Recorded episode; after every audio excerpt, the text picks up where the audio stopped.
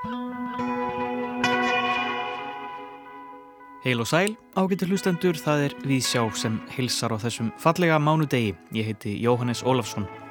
Í dag ætlum við að kynna okkur eftirfarandi Room for One Live, fugglalíf, heimskautaverur og blætismenningu og gardirkju. Á síningunni Dýbra kannar Brák Jónsdóttir, myndlistamæður, snertifleti, blætismenningar og gardirkju, manns og náttúru, sásauka og unaðar.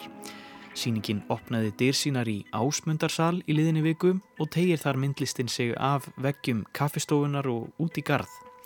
Í þeim tilgangi að nálgast náttúruna á hátt sem augrar hefbundnum hugmyndum um hvernig menning og náttúra mætast. Sýningin byggir á rannsókn listamannsins á sambandi líkama og gróðurs. Inni hanga ímisverkværi eða eru þetta leikfung? Hvort eru þau ætluð til ástarleikja eða gardirkju er erfitt að sjá en það þarf annað ef þið vil ekki að útiloka hitt. Halla Haradóttir fór í heimsókn í Ásmundarsal og rætti þar við Brák Jónsdóttur. Manneskjan þráir sálar ró, þörf okkar til að ná stjórn á eigin umhverfi afhjúpast í tækni óreiðu sem fyrirfinnst í nútíma samfélagi.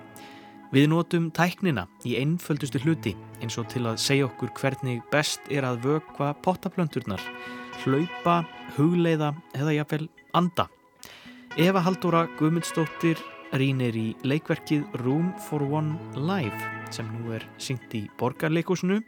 Sýningin gerist við tökur á Room for One sem segir frá manni sem á við geðræn vandamálað stríða og innlögn hans inn á spítala Þetta er samstarfsverkefni Kristján Ingimarsson Kompani, Íslenska Dansflokksins og Borgarleikusins og Eva Haldóra segir okkur betur frá því hér á eftir.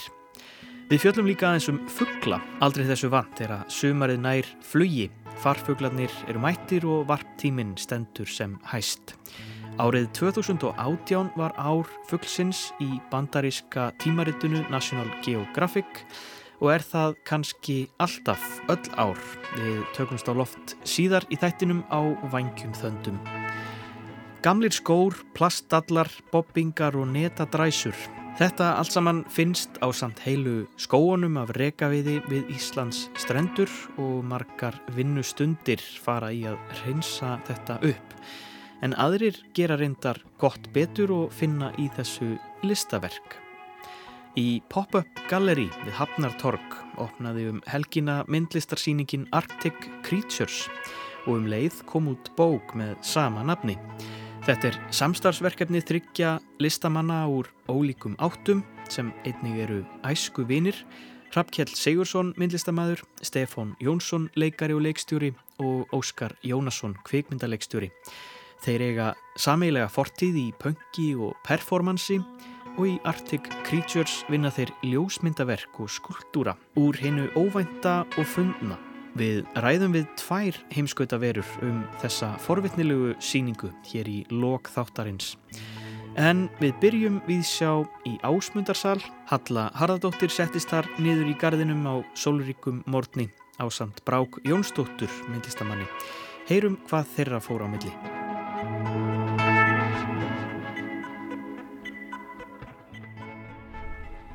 Við Brák Jónsdóttir sitjum hérna í solskinni og regningu í gardinum við Ásmundarsal.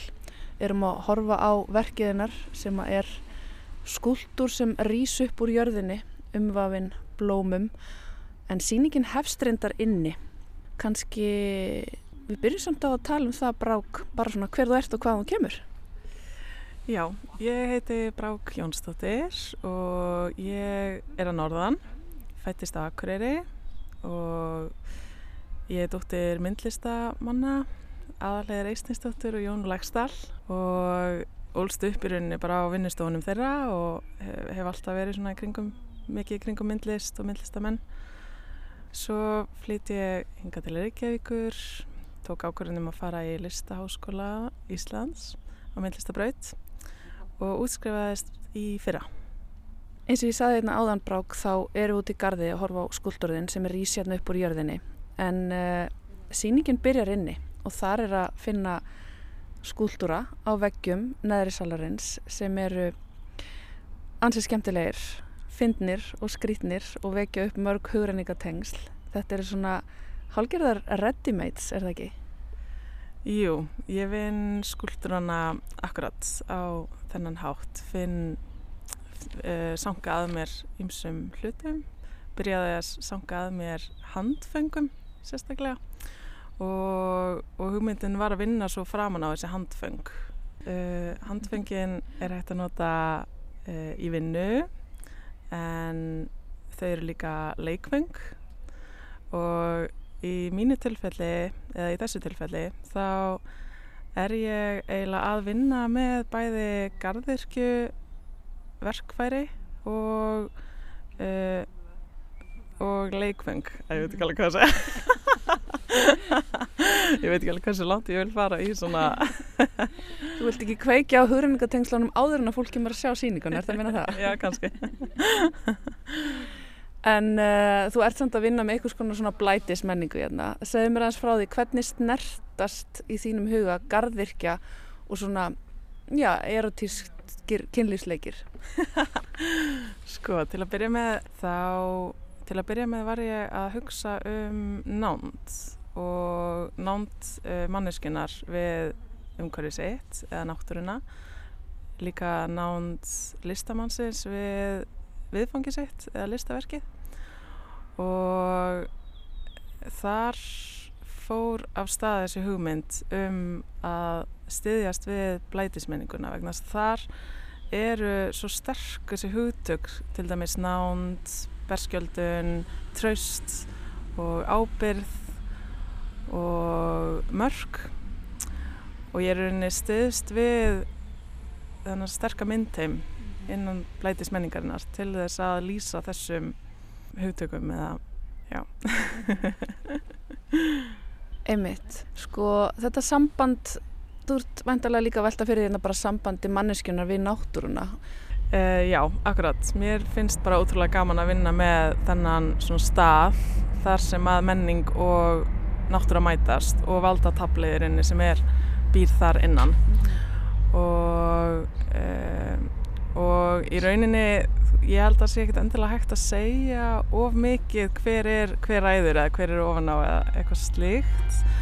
En mér finnst, gaman að leika með leika með þessa svona hugmynd um að það að minnstakosti ríkir einhvers konar valda eh, valda skipti allavega og, og innan blætisminningarna er svo skemmtilegt tungumál. Það er að styðjast við svo mörg svona orð eins og uh, til dæmis að vera uh, hérna, yfiráðandi eða, eða undirgefni og leikvöllur og leikfélagar eða leikur allt sem tengist því og mér finnst bara svo gaman að þá verður þetta svolítið svona fantasíukent líka mm -hmm. og fer jáfnveil út í einhvers konar sci-fi eða eitthvað slíkt -hmm. Emmitt og það er mikil fantasía í þessum skúldurum hérna nú erum við, sittum við hérna úti, við erum búin að vera velta fyrir okkur um þessum fallegu skúldurum hérna inni sem eru já, eins og ég sagðan vekja upp alls konar hörningatengsl og e, ég veit ekki hvort að það er hafi verið svona útgangspunkturinn á þér. Það er eins og þú sagði ráðan, það eru handfengaðum öllum þau eru mikið svona, það er mikið leikur í þeim, maður langar að snerta þau. Mm -hmm, Akkurat. Og það er einmitt það sem ég finnst svo skemmtilegt að skoða líka efni og áferðir eh, vinna með það sem er pínlítið svona gyrnilegt næstu því eða innmitt, eitthvað svona líkamlegt eitthvað sem mann er langa til að snerta eða grýpa eða pota í eða strjúka eða eitthvað þannig mm -hmm. og mér finnst það líka vera svo stert í gardirkjunni að maður er svo mikið að höndla moldina og þetta verður allt svo sensual sem er skemmtilegt mm -hmm. Nú erum við að horfa á hérna þessa hæðjarna segðu mér hvernig þetta tengist skúltúrunum minni þessi, já, þessi blómahæð með þessum einmitt gyrnilega glansandi áferðafallega skúltúr ofan á topnum uh, Já ég í gardirkju þá náttúrulega er, er yfirleitt einhvers konar svona ávinningur af vinninni sem fælst í gardirkjunni og í rauninni hugsa ég skúltúrin úti sem bara svona eins og yrki af einhvers konar hugmynd einhvers konar afkvæmi eða ávöxt. Þessi síning byggir á svona þinni rannsókn þetta að segja, svona hvernig þú hefur verið að skoða þetta samband manns og náttúru. Hvað var það svona sem að kveikti þessa rannsóknarvinnu og hvert hefur hún leitið? Uh, ég var fyrir á, undir áhrifum frá bara umræðinni í samfélaginu um, þú veist, uh, hlínunjarðar og mannöldina alla og, og allt það, svona svo heimsbyggi og pólitík sem fels í því. Og einnig um, um líkamann. Hann alltaf bara er alltaf að læra svo margt um sjálfan sig og, og um eh, umhverfið sitt. Og þá er ég bara, já, skoður svo mikið þessi svona mörg eða um, og líka bara heimsbyggi þá í kringum uh, líkamanna og líkamanna alla einhvern veginn. Mm -hmm. mannslíkamann sem er búin til úr mörgum líkamum líka og þá alla þessa líkama í kring líka. Þannig að ég, já, svona kannski er þessi samrunni og svona eitthvað sem að er búin að svona standa hátt líka í ferlinu. Og það er kannski eitthvað sem á sér stað líka þegar þú byrjar að svona grafa dýbra ofan jörðina síningin heitir dýbra og þú náttúrulega gróðursettir þetta hérna allt sjálf eh, Ertu búin að, er, ertu búin að fá áhuga á gardirkju eftir, eftir þetta ferli? Sko, já, ég hef mikið áhuga á gardirkjunni en ég hef líka bara áhuga á öllu sem tengist einhvern veginn líkamannum og svo umhverju hans. En reyndar er kærastu minn algjör gardirkju maður og þannig að ég held að ég sé líka undir áhrifin þar, er mikið í kringum gardirkju okkur í deg og hann eh, hjálpaði mér alveg ofaslega mikið líka við þetta, þennan part af síningunni. Mhm. En svona að lókum brák, allt þetta ferðalag, eh, öll þessi yðkun hérna á jörðinni og þessi skúltúra sem við erum að sjá hérna, þetta vottur um þetta ferðalag, er þetta að tala um eitthvað, eitthvað skonar eh, endastöðu á þessu ferðalagi, er þetta að tala um eitthvað skonar niðurstöðu eða hvað á rannsókninni? Uh, já, það er kannski bara gaman að vittna í hana 8. júliu Snorradóttur sem að skrifaði texta fyrir síninguna og hún segir meðal annars Haldleg rannsóknin ber af sér niðurstöður sem augra eftir vil hefðbundnum hugmyndum um nánd og samband mannesku við náttúru með þeim afleðingum að mörkin á milli líkama og umhverfis hans verða óljósari. Á síningunni eru ýmsar vísbendingar um niðurstöðurnar en hún skilur eftir eigður fyrir áhörnandan til að fylla inn í. Þannig gerur hún kröfu til hans um að horfast í augu við eigin hugmyndir og velta fyrir sér forsendum þeirra.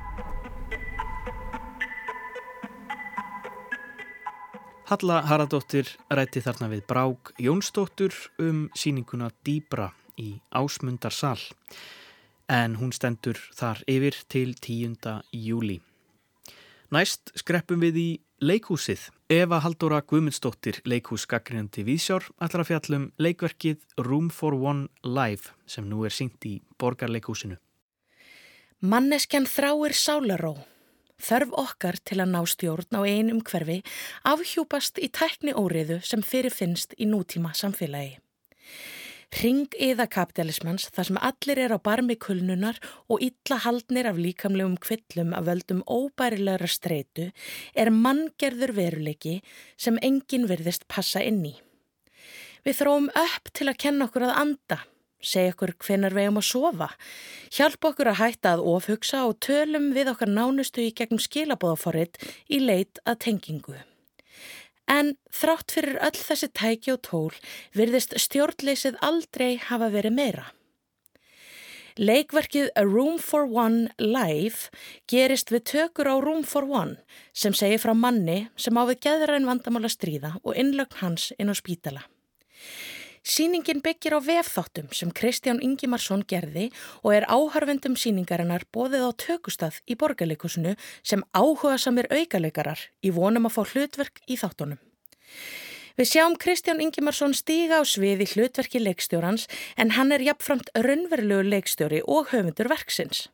Þegar Kristján leikstir í senunum af mikilli ákjæfð og ákveðinni sjáum við að ekki er allt með feldu.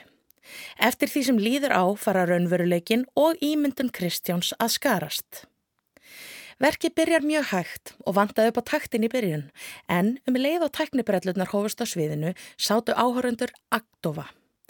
Trilltar tæknibrellur sem ekki hafa sérst á sviði hér áður fara með áhörundanum víðan völl og endur spekla upplifin manns í mikillir tilfinningulegri óriðu, óta og kvíða.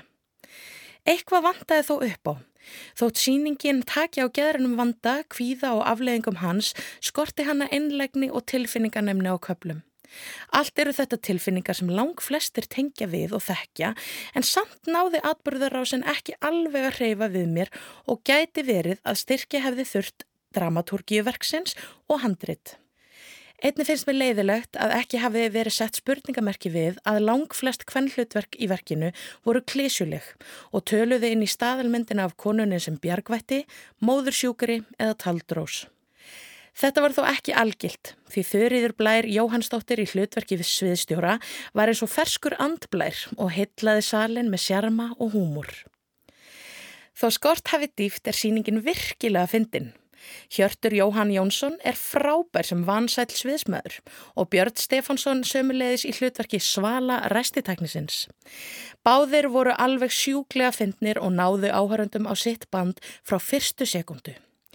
Þegar Björn er uppgötaður á setti við það að skúra sviðsmyndina, hrindir það af stað metnaði og löngun framapotara til að geðjast yfirbóðurum sínum og allt í einu eru allir sviðsmenn verksins komna með skúringamápu í hönd að þrýfa í næstu senu. Þegar maður fyrst lítur sviðismyndina augum heitlast næður ekki upp úr skónum en hún lítur út eins og hrár spónaplötukassi og ekki upp á marga fiska. En fyrsta blik getur verið blekkjandi því þegar sviðsfólkið byrjar að færa hana til og frá og beitinni eins og henni er ætlað trillist áhórundaskarinn.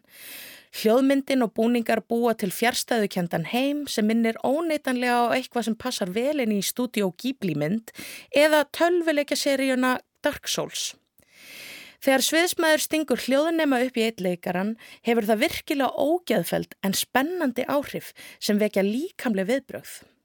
Absúrt dans og hryllingssennur fá mann til að spennast upp og eru góður efni viður fyrir næstu martröð. Á sviðinu eru sköpuð tvö sjónarhort sem býr til ákaflega skemmtilega skinnjun hjá árandanum. Á meðan sviðismyndin sveplast til og frá eða er ítrekka snúið á kvolf sjáum við á skjá sjónarhorn myndaviljarinnar sem er áföst við leikmyndina. Það sjónarhorn er við vöna sjá í kvikmyndum og sjómasefni. Það er magnað að upplifa sviðsettar tæknibrellur kvikmyndana sem hafa mun meiri áhrifamann í þessari nálegð en þegar maður horfir á þær á kvítatjaldinu. Með því að setja sjálfans í hlutverk leikstjóra og verandi leikstjóri verksins í raunveruleikanum táknar Kristján sjálfur okkur eða þau sem erum í leit að ró, stjórn og valdi yfir eigin lífi. Þetta er virkilega áhugaverður leikur með leikusi sem form en því hefði mátt fylgja betur eftir til að síningin næði að grýpa mig fullkomlega. Verkið er svakalega spennandi sjónarspil og virkilega flott dans og fimmleikasíning. Eva Haldóra Guðmundsdóttir sagði frá verkinu Room for One Live í borgarleikhúsinu og við göngum út úr leikhúsinu og tökum snæst á loft. Fyrir fjórum árum, árið 2018, var ég með umfjöllun hér í Víðsjáum að bandaríska tímaritið National Geographic hefði tilengað þetta ár fugglum heimsins. Nú þegar farfuglar streyma til lands og finna sér maka og varpstað ætlum við að fylgja þessum feyðruðu verum en spyrjum um leið er kannski alltaf ár fuglsins.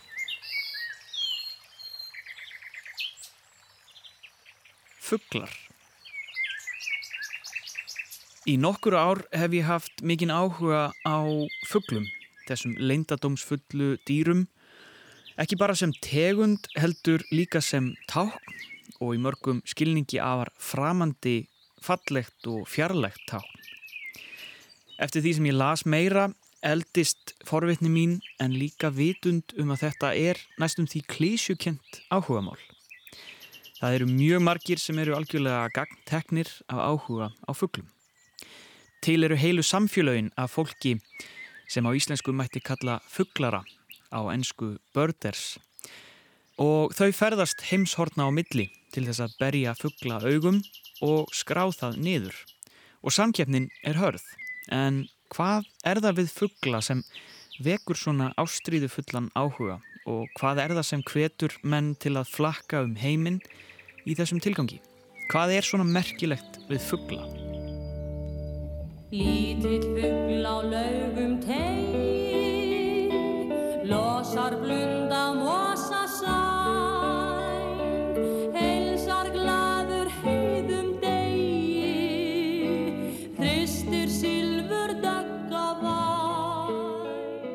Það vakti sérstakann áhuga minn í byrjun þessa ás að bandaríska vísindatímaritið National Geographic lagði sérstaka áherslu á fuggla í janúarblaði sínu.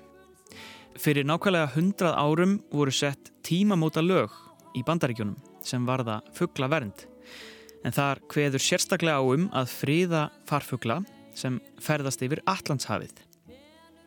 Í tilefni af hundrað ára afmæli þessa laga ákvaðis ákvað þetta gamal gróna tímaritt National Geographic að velta fyrir sér fugglum og lísti því yfir að 2018 væri ár fugglsins.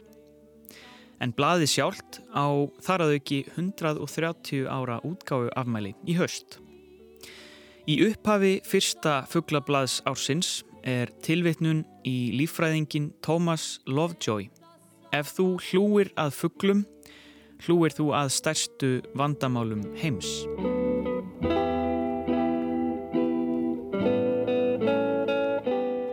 Aðal grein janúarblaðsins er eftir bandaríska metsöluhöfundin og fuggla áhuga mannin Jonathan Franzen og heitir einfallega Af hverju fugglar skipta máli. Franzen er þekktur fyrir fuggla áhuga sinn og það sýnir sig í bókum hans en þar má nefna að í einni af þekktustu bókum hans Freedom eða Frelsi frá 2010 koma fugglar mikið við sögu, nána tiltekið Blámaskríkjan Í grein Fransens í National Geographic gerir hann tilraun til að svara stóru spurningunni. Af hverju skipta fugglar máli? Fransen leggur út frá eigin reynslu og hugmyndum og byrjar á því að benda á einfalda staðrind. Fugglar eru allstaðar. Fuggla má finna í öllum tegundum loftslags og umhverfis, rúmlega 10.000 tegundir þeirra.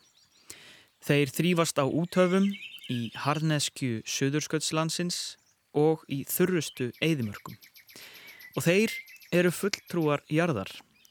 Ef þú getur séð alla fuggla heims, segir Fransen, getur þú séð allan heiminn. Til þess að ná þessari miklu útbreðslu hafa fugglar þróast á ótrúlega fjölbreyttan hátt.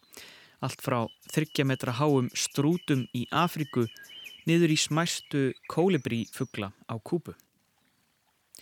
Fugglar eru ekki loðnir og krútlegir, segir Fransen, en að mörguleiti eru þeir líkari okkur mönnum en nokkurt annað spendir. Og það er eiginlega þar sem Fransen fer á áhugaverðar slóðir. Fugglar og menn eru tvær af valdamestu tegundum jarðar og þær hæða sér að mörguleiti eins. Hegðun fuggla er stórkostlega fjölbreytt eins og okkar. Margir fugglar eru miklar félagsverur, aðrir sína andfélagslega hegðun. Þeir byggja ofta á tíðum tæknilega flókin heimili eins og við og ala fjölskyldur sínar þar. Þeir fara í laung frí á veturna, skreppa á heitari slóðir eins og við. Fugglar finna sér afþreyingu og eða leysa gátur og Fransen bendir á myndband á netinu þar sem kráka skemmti sér við að renna sér niður snæfið þakkið húsþakk á plastloki, bara að því bara. En svo er það þetta stóra sem skilur okkur að. Fugglar geta flóið, þó með örfáum undatæningum. Maðurinn hefur öldum saman hort á eftir fugglum með öfund í augum. Og sá hæfileiki kvatti menn á endanum til þess að reyna og reyna þar til flugvelin var til. Sem þó kemst ekki nærri léttleikanum, snerpunni og þokkanum sem býr í flugi fugglsins.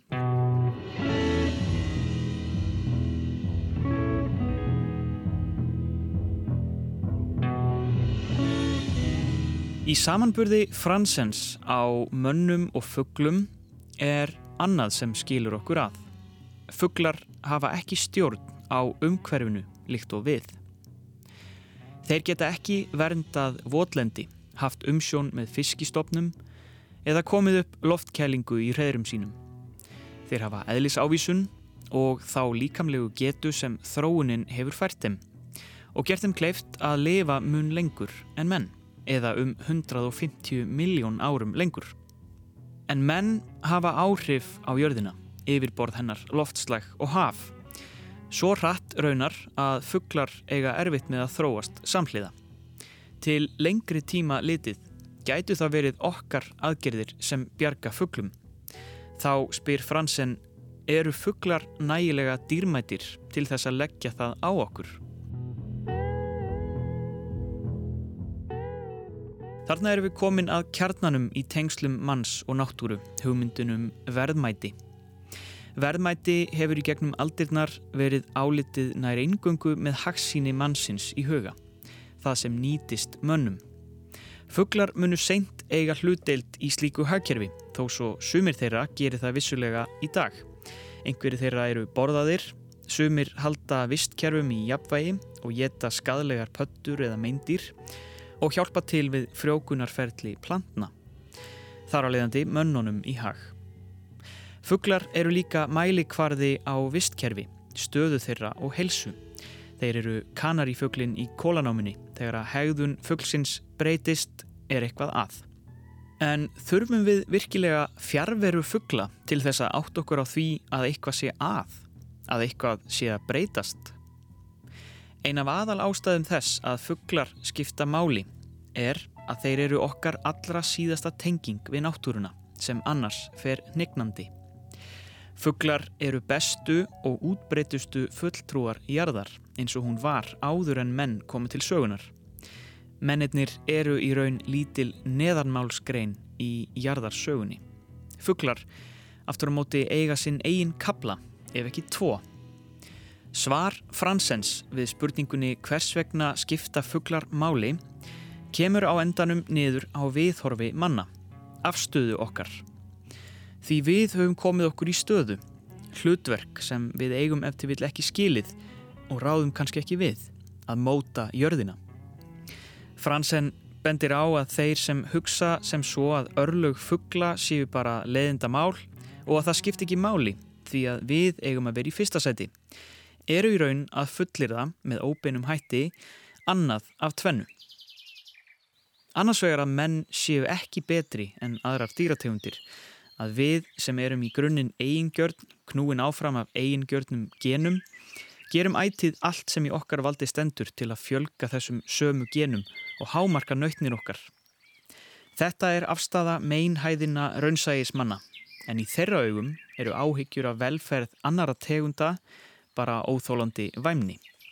Þetta er afstæða sem er ekki hægt að afsanna eða sanna og er aðgengileg öllum þeim sem finnst ekkert að því að viðkenna að hann eða hún sé fullkomlega eigingjörn. Menn í fyrsta sæti gæti líka haft þver öfuga merkingu að okkar tegund sé þess verðug fram yfir alla aðra til að einoka auðlindir heimsins vegna þess að við erum ekki eins og aðra dýrategundir Því við höfum meðvitund og frjálsan vilja, hæfileikan til að muna fortíð okkar og móta framtíðina. Þessa afstöðu er bæði að finna hjá trúiðu fólki og veraldlegum humanistum. En hún vekur spurninguna, ef það er ekki hægt að bera okkur saman við aðrar tegundir og erum þar að leiðandi verðmætari en önnur dýr, ætti hæfileiki okkar til þess að greina rétt frá raungu ekki að gera okkur móttækilegri fyrir kröfum og kalli náttúrunar frekar en öfugt, fylgir einstökum hæfileikum ekki einstök ábyrð. Í niðurlægi greinarinnar segir Fransen tilvitnun hefst. Þessi djúbstæði framandleiki fuggla er samofinn fegur þeirra og gildi. Þeir eru ætíð meðal okkar en aldrei hluti af okkur. Þeir eru hinn ráðandi dýrategundin eins og þróunin hefur gert hana og afskiptaleysi þeirra gagvart okkur er göfgandi áminning um það að við erum ekki mælikvarði allra hluta. Sögurnar sem við segjum af fortíðinni og ímyndum okkur um framtíðina er huglæg smíði sem fugglar geta hæglega lifað án. Fugglar lifa engungu í nútíðinni og emitt núna þótt kettir okkar og rúður og verksmiður og eitur drepi miljardafugla á hverju ári og jafnvel þótt sumar tegundir, sérilagi á úthafs eigum, hafi glatast að eilífu, er veröld þeirra enn afar lífleg. Í öllum heimshornum, í hreyðurum, hvort sem þau er á stærfið valnetur eða heisátur, kroppa litlir ungar í skjelina og tegja sig í átt að ljósinu. Gamalt innslag hér úr Víðsjá frá árinu 2018 um fuggla. En þá ætlum við að hugað öðru en höldum okkur þá úti í náttúrunni. Við ætlum að halda úti í óbyðirnar með heimskauta verum.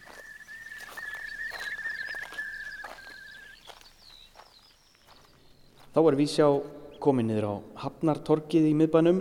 Hér er pop-up galleri sem opnaði um helgina undir myndlistarsýninguna Arctic Creatures og eh, einni kom út bók með sama nafni. Þetta er samstarfsverkefni þryggja listamanna sem eru líka æsku vinir, Hrafkjell Sigursson, Stefán Jónsson og Óskar Jónasson.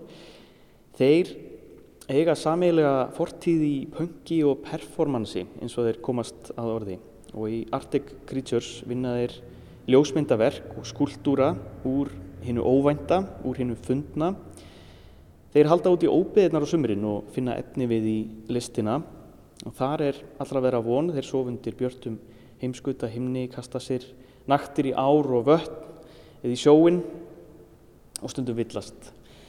Uh, ég er með tvo pilda hérna hjá mér, Stefán og Óskar. Uh, Segji mér aðeins frá þessu verkefni, er, er þetta útilegu hefð sem gekk aðeins svo langt?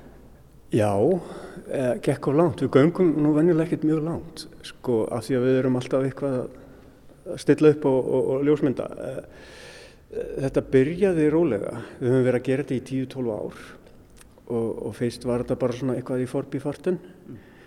Um, meira svona kannski ef við sáum eitthvað spennandi slím eða, eða þaragróður að, að við fórum eitthvað að föndra með það að klæða okkur í það og eitthvað svo leiðis, taka myndir og hlæja okkur um alltaf þess að.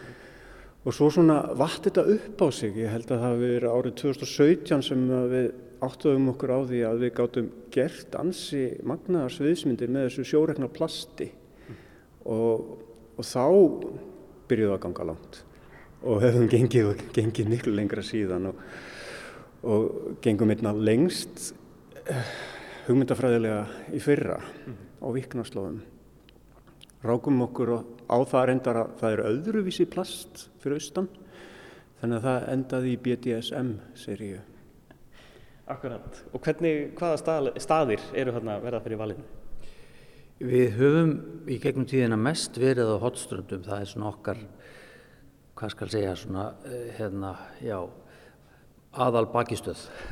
Já. Við erum mjög hérna, ástofnir að hotströndum eins og margir en við höfum reyndar eins og Óskar segir fórum við á viknarslóðir í fyrra og, og, og gengið svo víðar reyndar en það er bara við svona ákveðum alltaf í, í svona í, einhvern tíman svona á vormánuðum svona hvort og hvenar við ætlum að fara mm. og, og þá búum við til einhvern svona tímarama þar sem við allir komumst og svo skipulegjum við ferðina, liggjum yfir kortum og svona hvaðan við ætlum að leggja af stað og hvað við ætlum að enda. Oft erum við að koma á sömu staði, þeir eru alltaf breytilegir og hérna, líti allt öðru svo út eins og náttúran gerir en, en, en við erum samt að reyna að nema ný lönd og nýjar víkur mm -hmm. og þetta er alltaf dásamlegu tími og bara er svona Já, þetta hliður okkur orku og, og, og, og náttúrulega líka bara okkar vinskapur hefur staðið lengi og þetta er eitthvað sem okkur finnst alveg bara bráðnöðsvöld að gera á ári hverju. Já. Og þið skipulegið vantilega ekkert lengra heldur en hvert þið ætlið og svona síðan verður til sköpunin bara á staðnum og þið nýtið alls konar miðla. Er þið með eitthvað plan áður en þið leggjast það? Nei, ekki svona hvað myndirna varðar.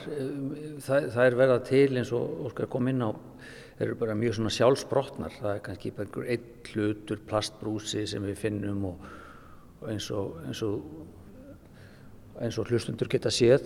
Það var hér mynd af, af eins og rómversku hlaðborði og það er svona mynd sem kannski sprettur út frá einum plastbrúsa sem að mynd okkur á, á eitthvað svona rómvest vínkér og, og hérna honum er stilt upp og, og ákveðum við að búið til hlaðborð í kringum það og síðan klæðum við okkur sjálfur inn í myndina vegna þess að okkur finnst einhvern veginn þetta kalla á meiri aksjón og, og þá verður til svona já, einhver svona stemning frá Róm til forna já. með, með öldungaráðsmönnum og, og, hérna, og vísun í, í, í Shakespeare, hérna, Julius Caesar, Brutus þannig að, þannig að þetta svona verð þróast og, og byggir dálítið mikið á einmitt dótunni sem við finnum, hvað er í bóði hverju sinni. Og eh, í, í fyrra þá, eins og Óskar nefndi þá var allt öðruvísi dót, það var mikið svörtu og gummi og plasti og það var ekki því að það var alls ekki að því að við vorum eitthvað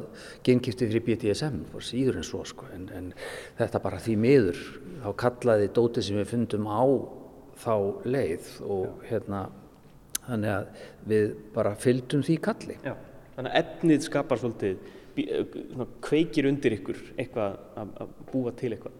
Og þú, þið talið svolítið um vísanir í myndlistar söguna, alls konar uh, málverk og, og, og skúltúra.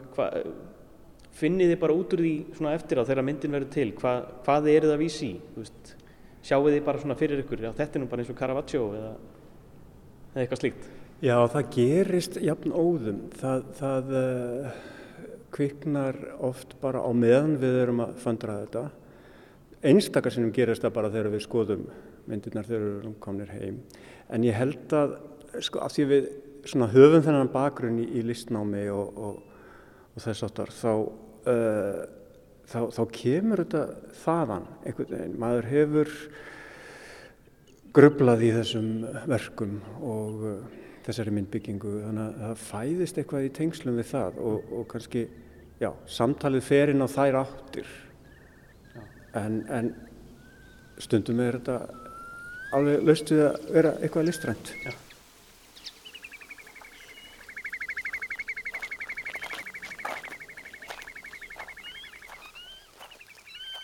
En hvernig er samstarfið? Þið, þið eru listamenn úr ólíkum áttum. Hvernig, svona, hvernig tala þessir, þessir eh, bakgrunnar ykkar saman?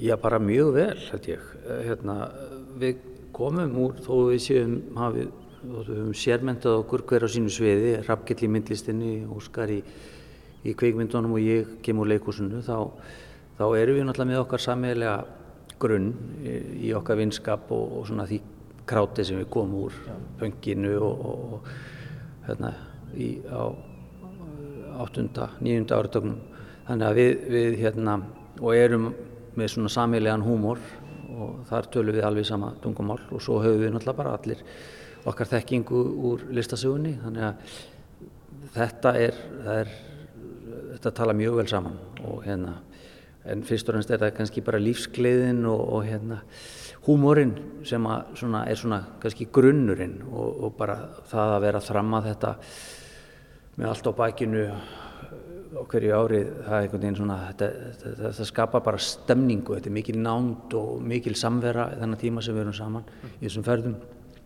og þá rennum við saman í eitt og, og, og verður einhver galdur. Ja. Og gleima ekki leiknum hann er bara, við erum bara ennþá að leika okkur og það er náttúrulega það sem að fólk sem fyrir gegnum síninguna eða skoða bókina hérna nefnur kannski fyrst og fremst, það er, það er gleðin og, lífsþostin sem að skín úr myndunum og fólk bara hér, hér skælbrósand út og það er það mikilvægast öllu held ég í lífunu að, að hérna, hætta ekki að leika sér.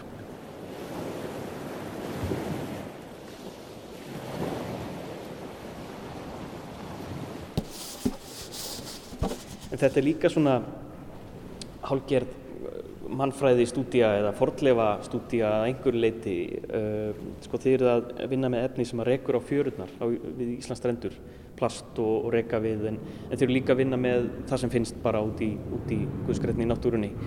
Um, en svona, er náttúrulega erið að, svolítið að skoða spór mannsins, þetta er náttúrulega margt af þessum stöðum notaðir ég segi bara rausl eftir okkur en, en þið eruð einhvern veginn að skoða eitthvað, eitthvað út úr þessu, eitthvað mannlegt Já, um, maður setur sig kannski svona í þessum pælingum aðeins inn í mannkynnssögu línuna mm. og veltiði fyrir sér sko ef að verða einhverjar framtíða kynnslóðir af mannkyninu hvað myndu velta fyrir sér að grafa upp þessa til dæmis plastbrúsa sem að liggja hérna út um allt. Hvort þau myndu umgangast að eins og forn leirkér frá Mesopotamíu lesa eitthvað í sprungurnar og, og velta fyrir sér hvað þetta fólk var að pæla. Mm. Og uh, líka kannski þetta plastdrasl eins og við köllum það sérstaklega kannski plastbrúsarnir sem liggja út um allt þegar maður er á göngu og afskiptum slóðum þetta er kannski það fyrirlitlegasta sem maður getur ímynda sér sko, að reykast á svona plastbrúsa í falleri náttúrinni en það má líka horfa áður, á það úr annari átt og, og, og setja þetta í stóra samhengið við bara mennskunna og, mm. og tengslinn við náttúruna hver þau eru því að allt kemur þetta frá náttúrunni, plastið líka mm. það er bara hvernig við höndlum það og hvaða spór við skiljum eftir okkur sko, þegar við erum horfin hérna um, kannski er ákveðin bjart sín í þessu veitir, þetta fer allt einhvern veginn mm. Hvort sem að við verðum hérna eða ekki þá held ég að þessi plánita haldi áfram að snúast ja. með eða án plasti og mannkynni og kannski einhvern veginn um leið að gleima því ekki eins og segir að við erum bara hluta náttúrunni og það er ekkert eitthvað menn og náttúra, þetta er bara eitt samlífi. Já, það er einhver æður í móttavöld þarna sem að mm. toga í strengina Já. og uh, við erum bara að hlýða þeim áhrifum. Við erum bara að sinna þeirri köllun sko sem verður af þeim kröftum. Veist, það, það er í rauninni þannig þegar sumir hlutir gerast á þessum gönguferðum að það er einhver sem stjórnar okkur. Er, það, við þurfum ekkert að tala saman. Það bara gerist eitthvað og svo bara tekið mynda því. Já það er enginn af ykkur þreymur sem er leitóinn Nei alls ekki, þetta er alveg hérna bara allir fyrir einn og, og, og einmitt þetta er svona ákveðin eins og Óskar er að benda á, þetta er svona ákveðin ringrás efnisins og andans sem að endur speklast í þessum ferðum og þannig að þetta er líka ákveðin endur nýting, mm. það er alltaf verið að tala um að endur nýta allt hvað eina þannig að við erum á vissanhátt að, að endur vinna plastið Já. nota þetta hráefni sem að við, við, við lítum gætna niður á og, og, og réttilega en, en við búum til úr því list og það er það sem að gerist í þessum ferðum og svo reynda verðum við að skilja það eftir vegna þess að við erum að bera þungabyrðar og hérna vonum bara blái herrin komið síðan og hreinsið þetta upp eftir okkur Það þýr ekki að skapa meira rusl? Alls ekki. Nei. Við erum að búa til andlega verðmætti og, og gleði fyrir mannkinn. Akkurát. Mér langar aðeins að nefna hérna, uh, þetta er í rauninni á svona nokkrum stöðum. Það eru skúltúrar hérna í miðjunni, það eru myndir á veggjónum og svo er svona svolítið stort verk hérna inn í herbeggi við hliðin á. Kanski færa okkur þangað bara? Já.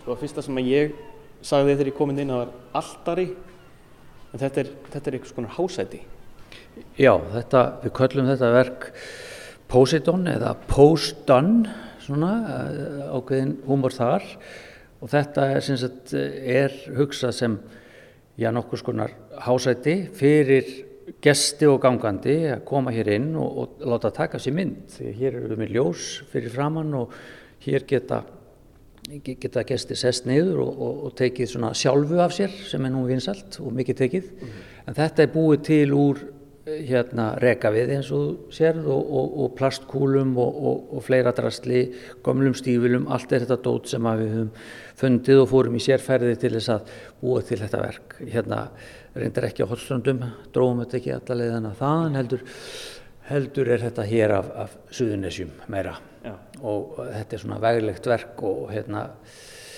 er svona, já, svona svolítið kraftbyrting á, á okkar, okkar vafstri og, og hérna gönguferðum. En þið eru líka svolítið að, að þið talið um svona dölúðina og svona þessi svona á bakvið eins og eyðibílinn og svo eru þarna eitthvað, kannski eitthvað huldufólk eða álvar svona með ykkur í ferð eða eitthvað yfirnáttulegt svona Uh, eru þið búin að afhjúpa eitthvað, svona afhjúpa döluðuna í, í, í, á Íslandi?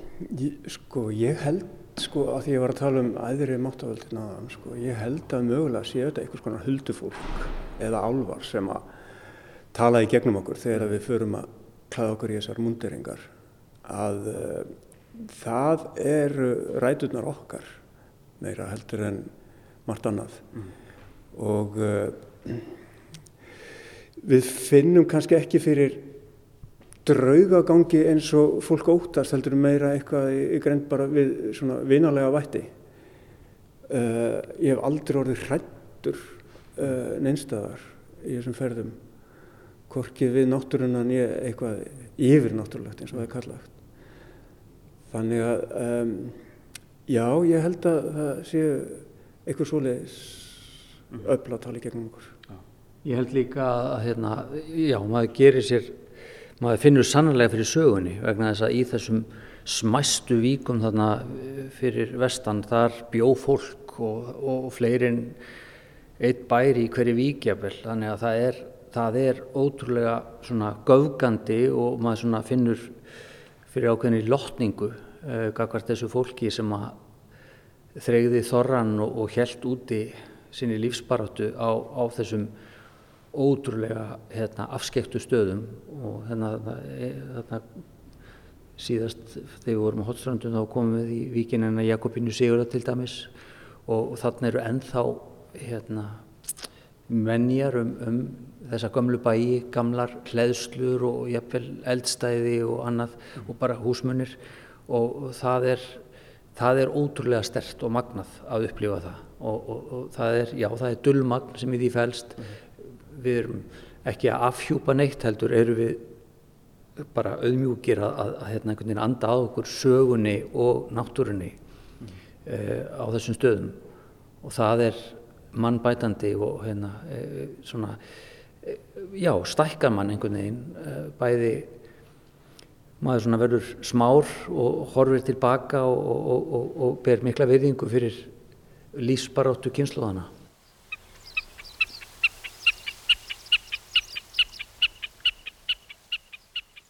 en ég get ímyndað mér að þetta sé rannsóknarverkefni sem er hvergin er í lókinn þið ætlið að fara ekkert í sumar? Já, já, við erum búin að vera skipulegja það. Það er bara að að toga í mann sko þegar veðri skána svona og það byrtir og þá fer maður margt fleira líka sko. Við steppuðum og kili líka við hefum gert mikið að það ferast á puttanum. Já. það er annar ferðamáti sem er mjög spennandi. Mm -hmm. þannig kynist maður fólki uh, og, og, og bæði íslensku og erlendu eh, fær sögur að utan og getur kannski sagt einhverja sögur á móti hérðan og, og svo framvegis og maður veit aldrei hvernig maður ferðast eða endar, hvar maður endar þann daginn. Mm -hmm. þannig að við erum mjög mikið til í að gera eitthvað allt annað en maður gerir á veituna þegar maður hefur hlýtt og gott rúm og all nútíma þægindi. Það er allt, allt í lægi að, að hýrast í tjaldi nokkra, nokkra nætur að á ári. Já. Þannig að Arctic Creatures er bara svona rétt að byrja kannski? Já, ég minna við erum höldum áfram að halda hópinn og rekta okkar vinskap og, og elska náttúruna og sæk í hana þannig að, þannig að við erum alveg komni til að vera með að við erum hér og maður gerðar og hérna þannig að þetta er bara þá rétt að byrja eða þetta heldur áfram Já. lífið streymir áfram Lífið streymir áfram Glæsilegt, takk fyrir þetta strákar. Uh, við mælum bara með því að fólk kiki hérna í, í pop-up galleri, Arctic Creatures og svo er þessi bók líka sem, sem var að koma út. Hún er bara, hvað er hún fáanleg? Hún er uh, fáanleg í bókavæslunum. Það er Bjartur sem gefur hún út og uh, hún er verður til sölu á öllum helstu bókabúðum. Ég segi bara gangi ykkur vel í ykkar ferðalögum og ykkar listrannsóknum, Stefán Jónsson og Óskar Jónsson. Gangi ykkur vel. Takk fyrir hérna.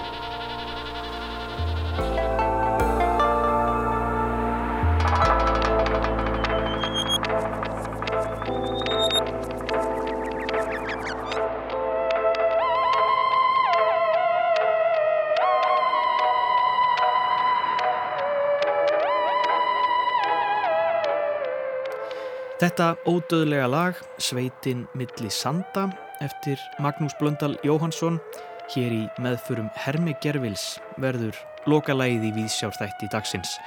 Við höfum jú dvalið í fjöru sandinum með heimskauta veronum, Óskari Jónasinni og Stefáni Jónsinni sem sögðu mér frá síningunni Arctic Creatures í Pop-Up Gallery og bók um ferðalög þeirra og listgjörninga úti í náttúrunni.